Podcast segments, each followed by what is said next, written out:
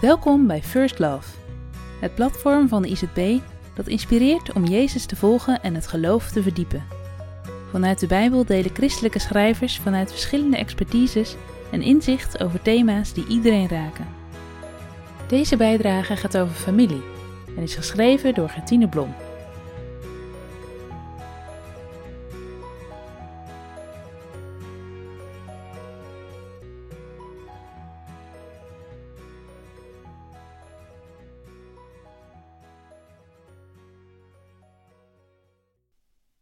Hoe goed is het, hoe heerlijk als broeders bijeen te wonen.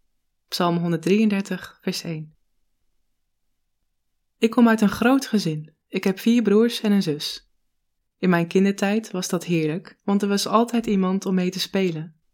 Ik voetbalde met mijn broers, we deden met z'n allen spelletjes op zaterdagavond en er was altijd wel iemand die ook buiten wilde spelen. Later werd het lastiger.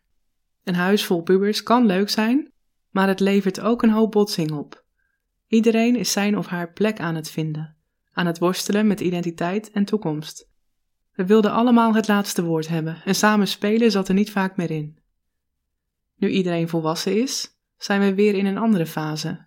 Rustiger, evenwichtiger. En daarmee komt er weer een nieuwe laag in onze relatie. Er blijft altijd iets van die oorspronkelijke dynamiek en rivaliteit, maar er is ook een diepere wederzijdse waardering gekomen. Ik vergelijk de kerk vaak met een familie. In zekere zin kun je je kerk uitzoeken en kiezen voor een plek waarvan je denkt dat die bij je past, qua ligging, stijl of kerkgenootschap.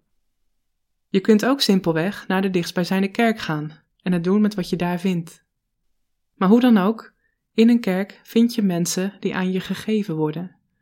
Je kiest aanvankelijk voor een kerk, omdat wat je daar aantreft je bevalt. Er breekt een tijd van spelen aan. Er zijn talloze mogelijkheden en je geniet van al het nieuwe. Maar onvermijdelijk volgt daarop de tijd van teleurstelling. Mensen laten het afweten, er is toch niet zoveel ruimte voor vernieuwing als je had gehoopt. De preken die eerst verrassend waren, worden nu langzaam voorspelbaar. Er is veel meer frictie en oneenigheid onder de oppervlakte dan je aanvankelijk had gezien. Dit kan het moment zijn waarop je afhaakt en besluit op zoek te gaan naar een betere familie. Net zoals je in je puberteit jaloers was op die vriendin die veel leukere ouders had. Maar na de puberteit volgt de volwassenheid.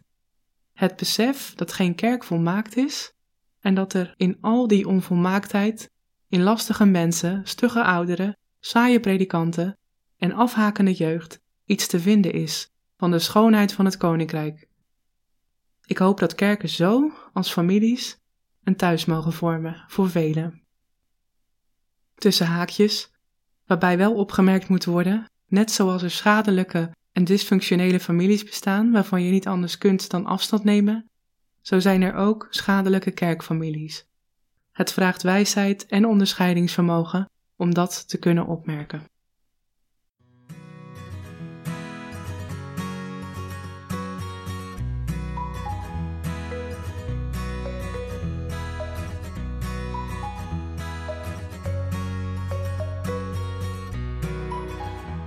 Bedankt voor het luisteren naar deze bijdrage.